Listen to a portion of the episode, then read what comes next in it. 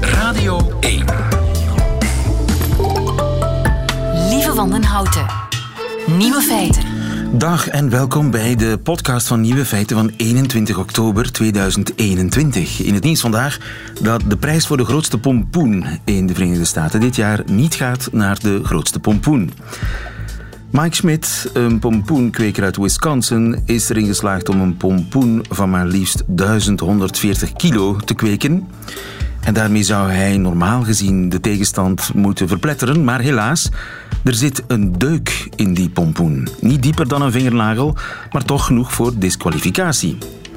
Pompoenkweker Schmidt loopt daardoor 20.000 dollar mis, maar neemt het verlies sportief op. It happens.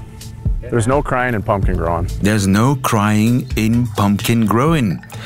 En, zegt hij, volgend jaar gewoon een nieuwe poging. I know I can do it again, so we just got to look forward to the future and do it again. Voilà, sportiviteit. Vallen en weer opstaan onmiddellijk. Daar kunnen ze in het voetbal nog iets van leren. Van de pompoenkwekers. De andere nieuwe feiten vandaag. Amsterdam plaatst geluidsflitspalen. Wat met de hond na een scheiding? Rika Ponet hakt de knoop door. En correspondent Sven Tuitens neemt afscheid van het land waar hij ruim tien jaar gewerkt heeft, Spanje, met een boek. De nieuwe feiten van Lucas van Klooster, die hoort u in zijn middagjournaal. Veel plezier. In Amsterdam wordt u tegenwoordig niet alleen geflitst als u te hard rijdt. Egbert de Vries, goedemiddag. Goedemiddag. U bent uh, wethouder, of schepen zoals wij Vlamingen dat zouden zeggen, van verkeer en vervoer van de gemeente Amsterdam. Er zijn nieuwe flitspalen in uw stad tegen lawaai. Dit soort lawaai, geloof ik, hè? lawaai op de achtergrond. Maar Ja. Misschien is dat alleen voor de... Dat heb je dus vaak in eh, binnensteden, dat soort eh, kapotte uitlaten en eh, opgefokte brommers. Is er sprake van een lawaaiplaag in Amsterdam? Wij hebben wel het gevoel dat het toeneemt. In ieder geval neemt het aantal klachten erover toe. Dus verschillende buurtcomité's hebben zich bij mij gemeld dat ze de laatste tijd heel veel last hebben van heel hard rijdende, met heel veel lawaai rijdende brommers en scooters. Het zijn vooral eh, tweewielerige apparaten die lawaai maken. Ja. In, heel, in sommige staten zijn het zelfs ook auto's, maar dat is gelukkig maar een klein deel van de problematiek. En zijn er bepaalde straten aanlokkelijk voor dat soort decibelterroristen? Ja, zeker. Het moet natuurlijk een beetje langgerekt en eh, rechtdoor gaan. Dan kunnen mensen het, eh, het risico ook nemen.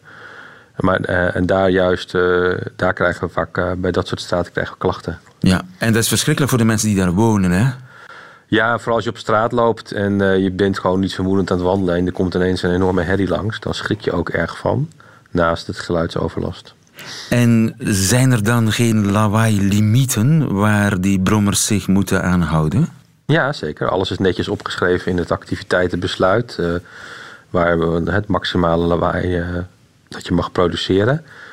Eh, maar dat wordt soms omzeild door, door technische aanpassingen aan het voertuig. Of eh, omdat mensen eh, ja, er toch doorheen schieten. Ja, gaatjes boren in de uitlaat, hè? Vroeger was dat toch zo. Toen ik, toen ik 16 was, dan was dat de mode. Als je een brommer had, dan moest je die uitlaat een beetje ja, pimpen... door die eigenlijk min of meer kapot te maken. En dan krijg je die hele stoere, ja, dat ge- gespetter natuurlijk. Ja, en dat is ook prima als je zeg maar buiten de stad woont... eh, waar verder niemand te veel last van heeft. Maar als je dat in de stad doet, dan zijn er heel veel mensen die dan ineens eh, eh, ja, daarvan schrikken en de lawaai ervaren. Soms ook s'nachts en dan, dan staat hij daar rechtop in bed. Ja, tuurlijk. En nu hebben jullie lawaai-palen getest, begrijp ik. Er zijn we aan het testen, zijn er mee gestart. En hoe werkt dat? Nou, de, je kunt natuurlijk geluid meten. Dus het idee is dat, je, dat we het geluid meten en tegelijkertijd eh, met de flitser eh, eh, het kenteken flitsen. En die combinatie zou dan voldoende op moeten leveren om een constatering te doen. Ja, het is eigenlijk heel simpel. Het is hetzelfde principe als een flitspaal. Alleen flitst die niet bij overdreven snelheid, maar bij overdreven lawaai. Ja, zo En- moet u het zien. Die test is pas begonnen. Hebben jullie al zicht op resultaten? Nee, helaas nog niet. Daar staat dus uw programma net te vroeg voor. Ah, Maar ehm, we, we, hopen dus hiermee wel te kunnen, te kunnen laten zien dat het op een relatief eenvoudige manier mogelijk is om op heterdaad uh, iemand te betrappen erop. En is dat een eigen vinding of hebben jullie ergens inspiratie gehaald? Nou, het zijn allemaal geen dingen die nieuw ontdekt zijn. Hè. Geluidsmeters bestaan al en flitspalen ook. Uh, de combinatie ervan wordt ook al in Rotterdam getest uh, op dit moment. Uh, dus we zijn er ook met meerdere steden tegelijk mee bezig. In Nederland. Dus Nederland, gidsland alweer. Ja, nou, ik, ik heb me er niet in verdiept of niet elders op de wereld men hier al mee ervaring heeft.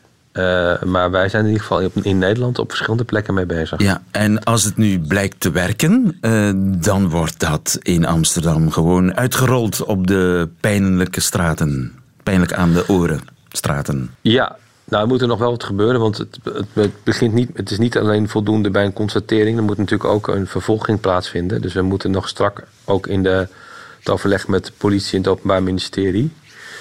Uh, of men dus dit ook wil op gaan pakken. Oké. Dus nog geen gelopen race, helaas. Nog geen gelopen race. En dus voorlopig kunnen opgefokte brommertjes nog altijd en opgefokte auto's nog altijd redelijk ongestraft door de Amsterdamse straten knallen. Nou kijk, het is natuurlijk helder dat als mensen dit niet zouden doen, dat we het probleem ook niet hadden. Dus, dus natuurlijk de eerste wat we hiermee willen bereiken is dat mensen toch eens gaan nadenken over misschien leuk voor mij, hoewel ik me er niks bij kan voorstellen wat er nou precies leuk aan is. Ja. Maar uh, het is in ieder geval heel vervelend voor andere mensen. Ik wens je heel veel succes met de lawaaipalen in Amsterdam. Wethouder Egbert de Vries, dankjewel. Goedemiddag. Dank u wel.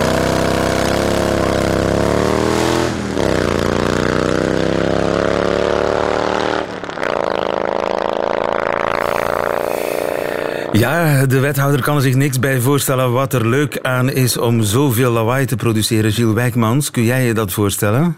Stiekem wel, ja. Stiekem wel, hè? uh, Gilles, jij wordt vandaag 28, dat zei ik er maar even bij. Dank je. Uh, hoe zit dat eigenlijk? Want jij bent van de redactie van Nieuwe Feiten. Ik heb jou gevraagd om eens uit te zoeken hoe dat eigenlijk in België zit. Zijn er flitspalen voor lawaai? Nee, dat, dat is er sowieso niet. Uh, het is wel bijzonder complex in België. In Nederland zijn er algemene regels qua geluidsoverlast voor uh, bromfietsen en motorfietsen. Uh, in België zijn er die ook, maar dat is dus bijzonder complex. Er zijn aparte regels voor scooters. Dus voor oudere scooters geldt dat er een klasse A-brommer, dat zijn die die maar maximaal 25 per uur mogen, dat is 70 decibel. Voor een van klasse B, dus maximaal 50 per uur, is 75 decibel. En dan heb je nog de euro-normen, die normen die ook zeggen hoeveel uw auto en uw motorfiets mag uitstoten. Dat bepaalt dan weer dat een klasse A-brommer sinds uh, eh, 2016 maar 66 decibel mag produceren en een klasse B maar 71 decibel. Ja, dus maar dat is sinds 2016? Dat zijn de nieuwe brommers gemaakt sinds 2016. Dus een brommer die daarvoor gemaakt is, die mag dus ofwel 70 ofwel 75 decibel produceren. Maar hoe dan ook, er zijn uh, limieten. Er zijn limieten. Handhaving is een ander paar mouwen natuurlijk, hè? Absoluut. En ik denk dat dat probleem hetzelfde is als in Amsterdam, daarom dat ze daar nu die lawaai-flitspalen hebben geïnstalleerd. Mensen op heterdaad te kunnen betrappen. Ah, wel, want dat is wat, nu de, wat er nu in België eigenlijk moet gebeuren. Dus er moet een brommer of een motorfiets voorbij rijden. Die agent moet al op gehoor kunnen zeggen: ah ja, dat ding klinkt te luid. Dan moeten ze die brommer of motor in beslag gaan nemen, of in ieder geval al mee gaan nemen om te laten testen. En dat moet in heel specifieke omstandigheden gebeuren. Dat moet gebeuren in een omgeving die voor 50 meter uh, vrij is. Dus uh, over een afstand van 50 meter mag er geen muur zijn, bijvoorbeeld, waardoor het geluid kan weerkaatsen en dus de meting kan verstoren. En er mag ook amper geluid, uh, achtergrondgeluid zijn. Dus vind maar eens in België of in Vlaanderen een plek waar 50 meter lang niks staat en het volledig stil is. En dan moet dus ook nog de microfoon op de juiste hoogte gezet worden. Meting moet twee keer gebeuren voordat het geldig is en noem maar op. En die metingen gebeuren die vaak wat denk je zelf? dus mensen die aan zo'n straat wonen, eh, om de haverklap, uh, iemand die om god weet welke reden graag heel veel decibels produceert. Ik denk dan altijd gaan neuken. Maar goed, uh, die mensen, ja, die, die moeten wachten tot er bij ons misschien wel zo'n... Een lawaai-flitspaal lawaai lawaai komt. Ja. Dank u wel, Gilles Wijkmans. Vraag het aan Rika.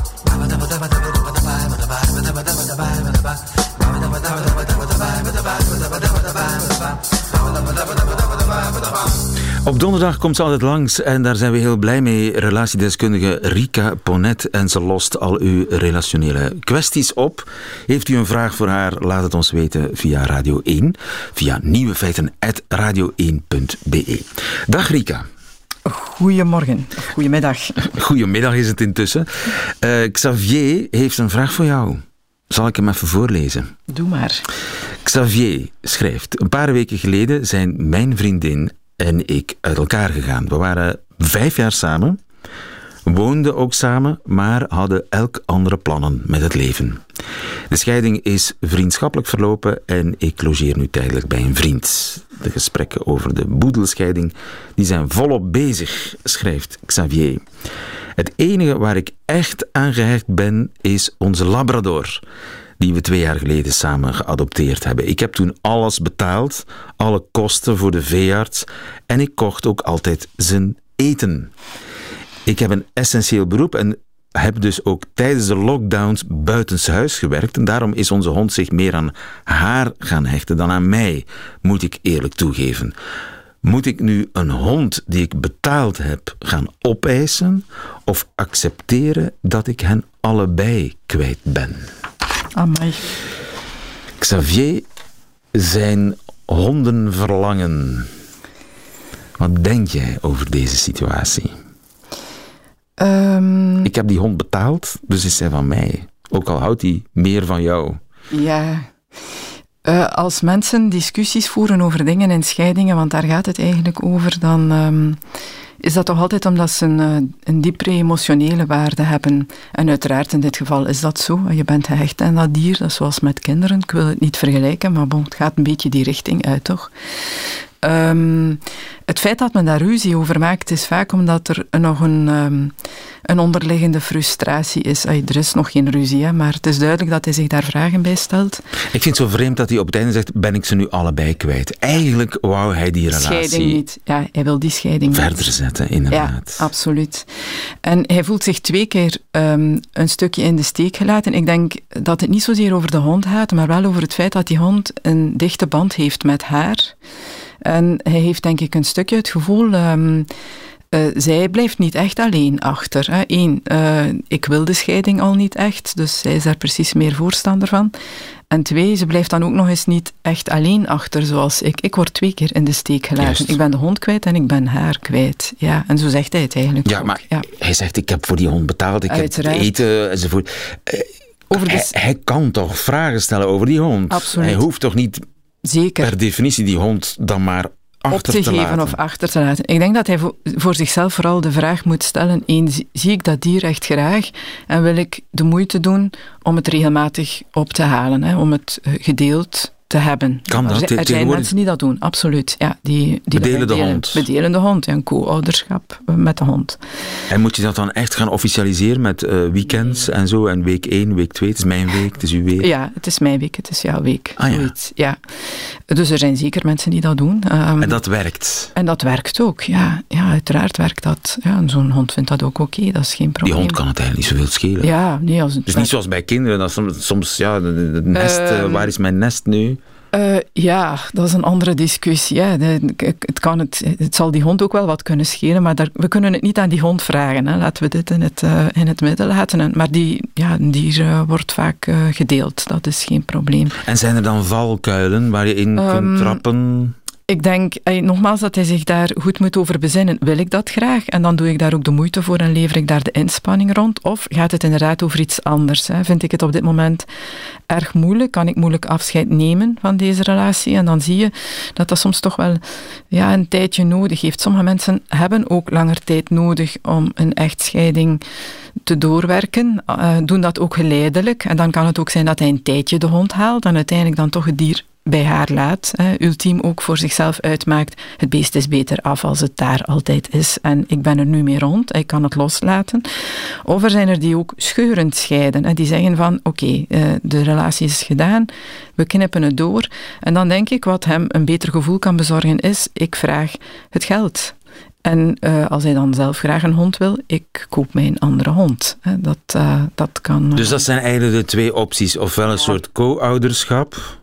Tot de, zolang de tijd uh, uitwijst uh, dat dat iets goed is voor jou, of dat dat werkt voor jou. Ofwel de hond op de een of andere manier in rekening brengen bij de scheiding. Ja, uh, en dat klinkt wat vreemd, hè, want het gaat over iets, het is geen ding, hè. Het, het, gaat over een levend wezen dat je graag ziet. Maar het kan wel helpen in het kunnen loslaten van het gegeven en um, ook voor hem een, een soort van herstelervaring. Hè. Er is ook een soort van, van haar kant een inspanning geweest. Erkenning om, van... Een vorm van erkenning. Er is een inspanning geweest uh, ja, dat dit moeilijk is en dat zij daar ook iets moet tegenover plaatsen. Ja. Van wie is de hond? Xavier, ik wens je heel veel succes met de afhandeling van je scheiding. Dankjewel Rika en tot volgende week. Dag. Veel Vlamingen gaan naar Spanje op vakantie, maar wie kent het land echt? Onze correspondent Sven Tuitens die woont er al meer dan tien jaar en die schreef er een boek over. Ik hou van dansen en muziek. Hey, viva España. Sven Tuitens, goedemiddag. Goedemiddag. Samantha e Viva Spanje is nog altijd het officieuze volkslied in uh, Spanje. Inderdaad, en uh, een groot succes op dit moment. Ook het, uh, het lijflied van de extreemrechtse partij Vox. Oké, okay. uh, dus het is naar rechts. Samantha, Samantha is naar rechts opgeschoven, bij wijze van spreken. Wel, ja, inderdaad, zonder het echt te willen. Maar ze geven het ook niet toe. Ze willen ook niet weten dat het een Vlaamse slager is. De meeste Spanjaarden denken dat het, een, uh, dat het lied een, uh, een Spaanse uitvinding is, gezongen door Manolo Escobar. Maar niemand weet dat het eigenlijk een hit is uit 1971, gezongen door een meisje uit Borgerhout. Dus ja, dat weten ze niet. En geschreven door een Limburger. Ja, inderdaad. Een man met een muziekwinkel Leo... in Leuven. Uh, Leo Kaart heet hij, geloof ik, hè? Ja, Leo Kaart. Die heeft het eigenlijk geschreven na een reis naar Spanje. En die was zo blij van Spanje dat er meteen een, een, een ja, gecomponeerd heeft. Hij heeft een tekst laten schrijven door een andere Leo, Leo Rozenstraten. En dat is eigenlijk een uh, absolute hit geworden in 71. En dan verkocht. De rechten zijn dan in 73 verkocht aan Spanje. En die hebben, dus, uh, ja, die hebben daar dus echt een succesverhaal van gemaakt. Ja. Tot vandaag Het je dus uh, Viva España nog regelmatig in cafés en op straten en bij happenings. Uh, voetbalstadia. En het is nu eigenlijk zelfs het, het soort lijfslied van Vox. De, de, ja, zijn dat de Frankisten eigenlijk? Ja, ja, dat zijn echte Frankisten. Dat zijn de mensen die nostalgisch zijn en die denken dat uh, de toekomst in Spanje opgelost kan worden door uh, terug te keren naar een centrale staat. En, uh, en uh, ja, terug een, mach een, machistische samenleving, zoals we dat gekend hebben tot in 1975. Ja. Dus dat zijn mensen die heel duidelijk naar voren komen als, uh, ja, ja, als Frankisten. Geen enkel De Frankisten. Want ik zei het al, je schreef een boek, dat heet Groeten uit Spanje. een, een, soort balans die je opmaakt na meer dan tien jaar in Spanje.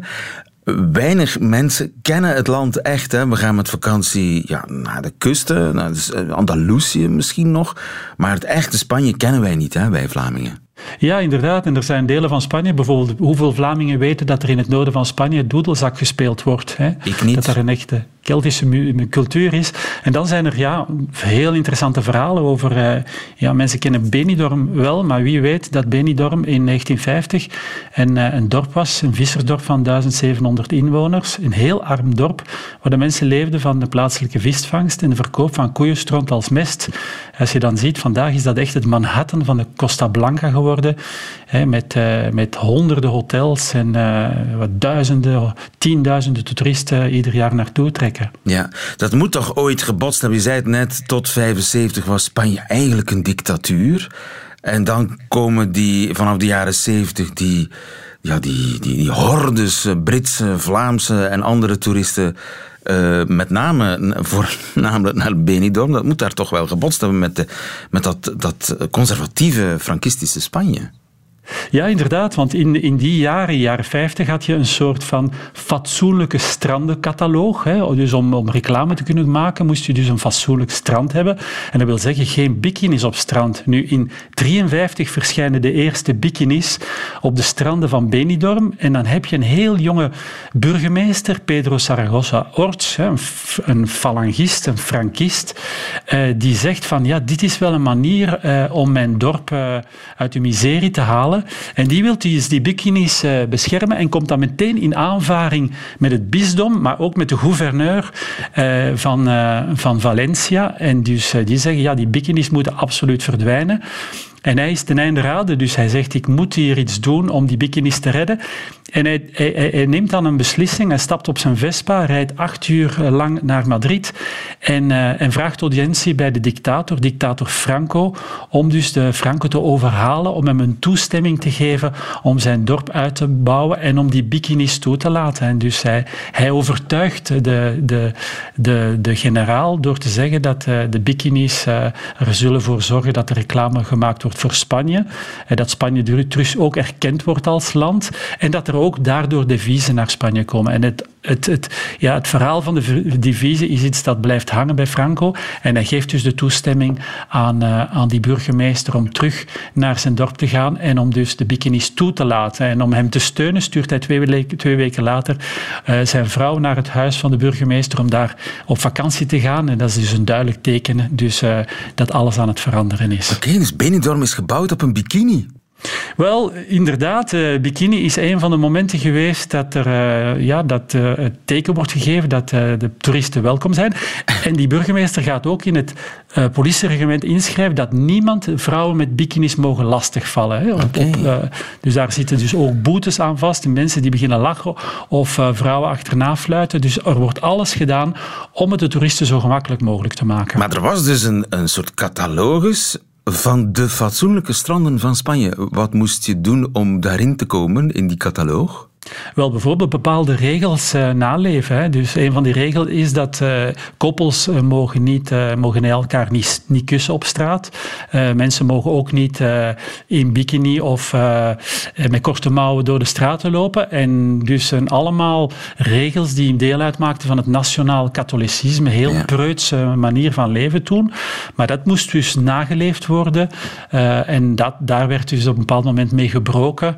En dat moest ook om dus vooral die toeristen op, uit het noorden aan te trekken.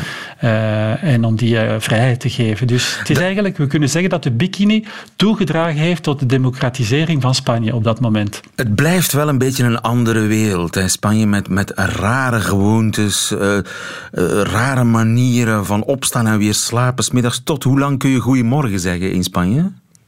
Wel, dat kan je eigenlijk zeggen totdat je aan tafel gaat, gaan lunchen. Dat is twee uur, drie uur namiddags. Tot dan kan je... Om half drie Eh, middags goeiemorgen zeggen op straat tegen iemand dat het gebeurt. Ja, ja, buenos dias eh, kan je zeggen tot, eh, tot twee uur, drie uur namiddags.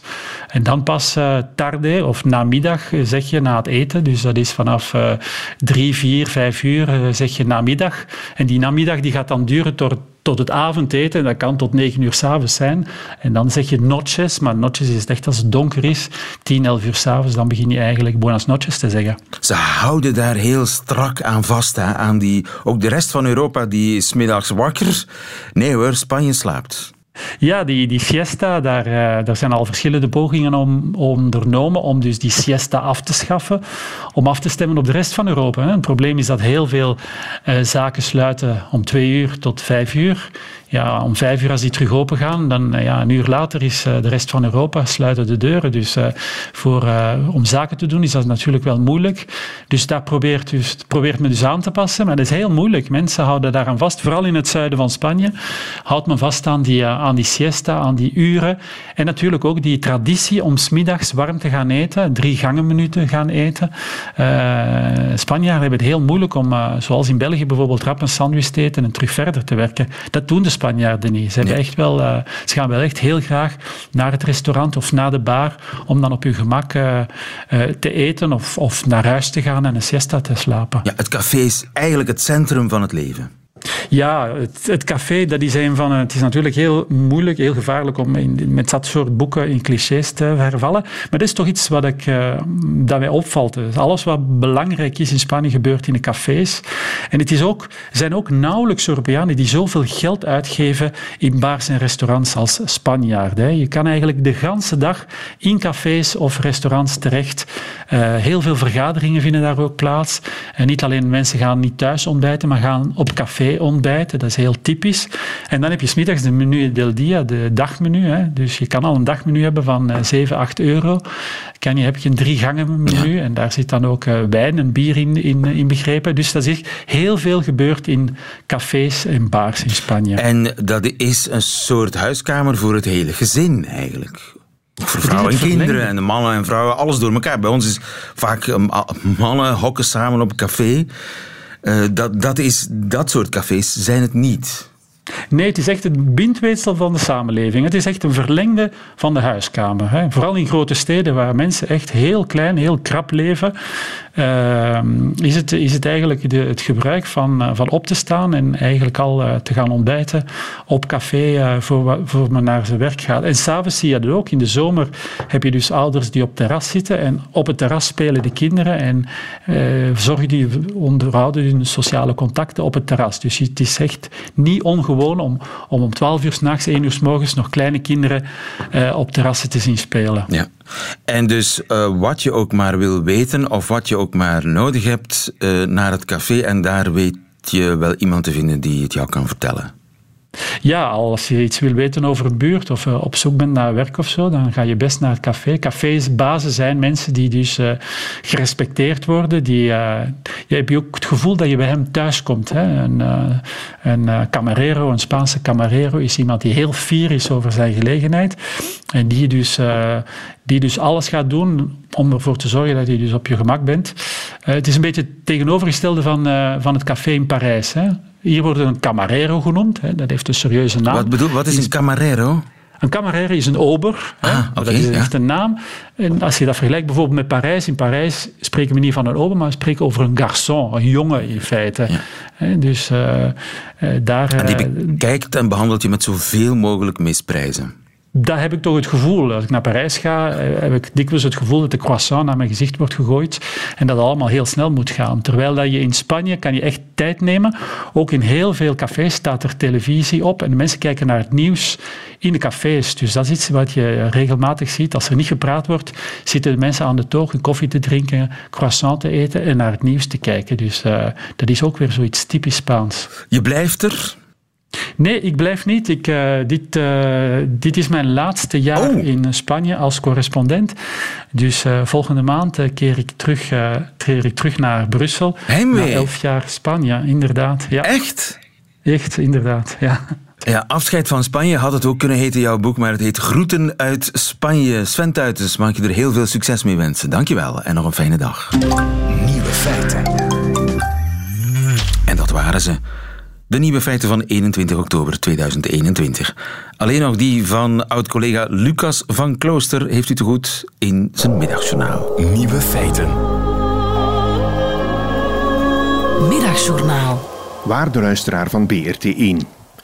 Toen enkele coryfeeën van de VRT-nieuwsdienst een paar maanden geleden met pensioen moesten, ontstond daar nogal wat reuring over en er vloeiden bittere tranen. Ik begreep dat niet.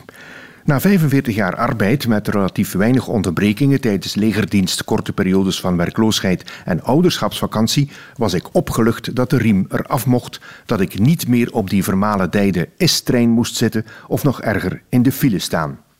Na anderhalf jaar rust gaat de invulling van de dagen al maar beter. Omdat ik mij geneer voor mijn riante ambtenarenpensioen, doe ik wat vrijwilligerswerk, zoals immobiele bejaarden in mijn vaccitaxi naar hun derde prik brengen. Ik duik dagelijks in mijn archief en om daarna het stof weg te blazen ga ik een half uur of langer wandelen. En elke maand maak ik een to-do-lijst. Zo ben ik nu aan de oktoberwerkjes toegekomen. Oktober is een overgangsmaand waarin aan huis en tuin altijd wat te doen valt. Ramenlappen, het laatste snoei- en maaiwerk, het terras schrobben en spoelen, dat laat ik aan de regen over. Het oktoberwerkje bij uitstek is het leeghalen en schoonmaken van ons zogenoemde spinnenhok. Een bouwseltje van een jaar of negentig oud vooraan in onze tuin. Het ziet er wat uit als een garage, maar voor een onmogelijk smalle auto.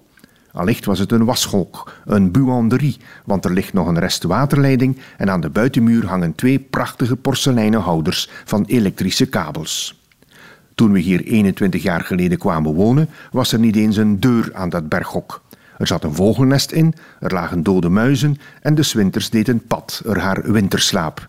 En er waren duizend spinnen, grote, zwarte, behaarde. Het valt mij op dat de schoonmaak van het spinnenhok elk jaar wat later komt.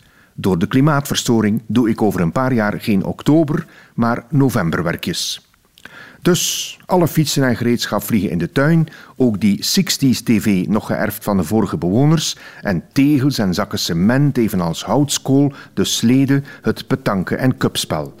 En na gedane arbeid sleep ik niet alles weer naar binnen.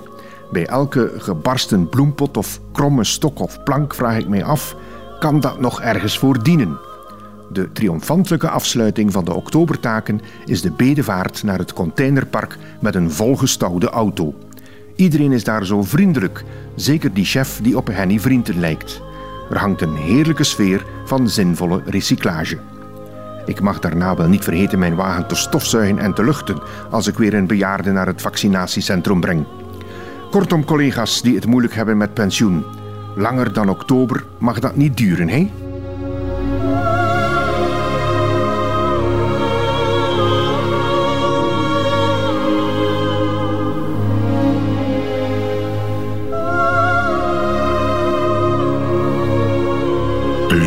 Van Klooster. Ik kan nauwelijks wachten. Het containerpark, het lijkt mij bijna de hemel. Einde van deze podcast. Doet u liever de volledige nieuwe feiten met de muziek erbij. Dat kan natuurlijk ook via radio1.be of via de Radio 1 app. Tot een volgende keer.